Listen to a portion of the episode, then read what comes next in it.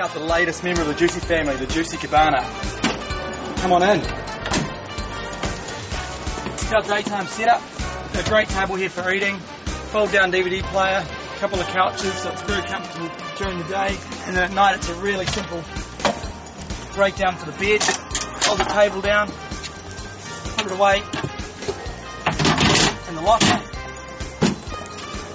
And the bed basically just slides together. Look at that. Now, come and check out the kitchen.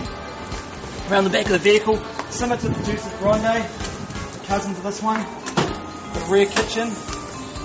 Got a compressor fridge. Keep all your food cool. Gas cooker. Slides out. Plenty of storage in this vehicle, which has always been a big request from our customers. Plate storage under here.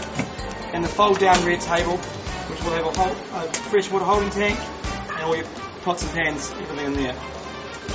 Also the beauty of this vehicle here is it's got a dual sliding door system. So it allows access from both the passenger side and the driver's side.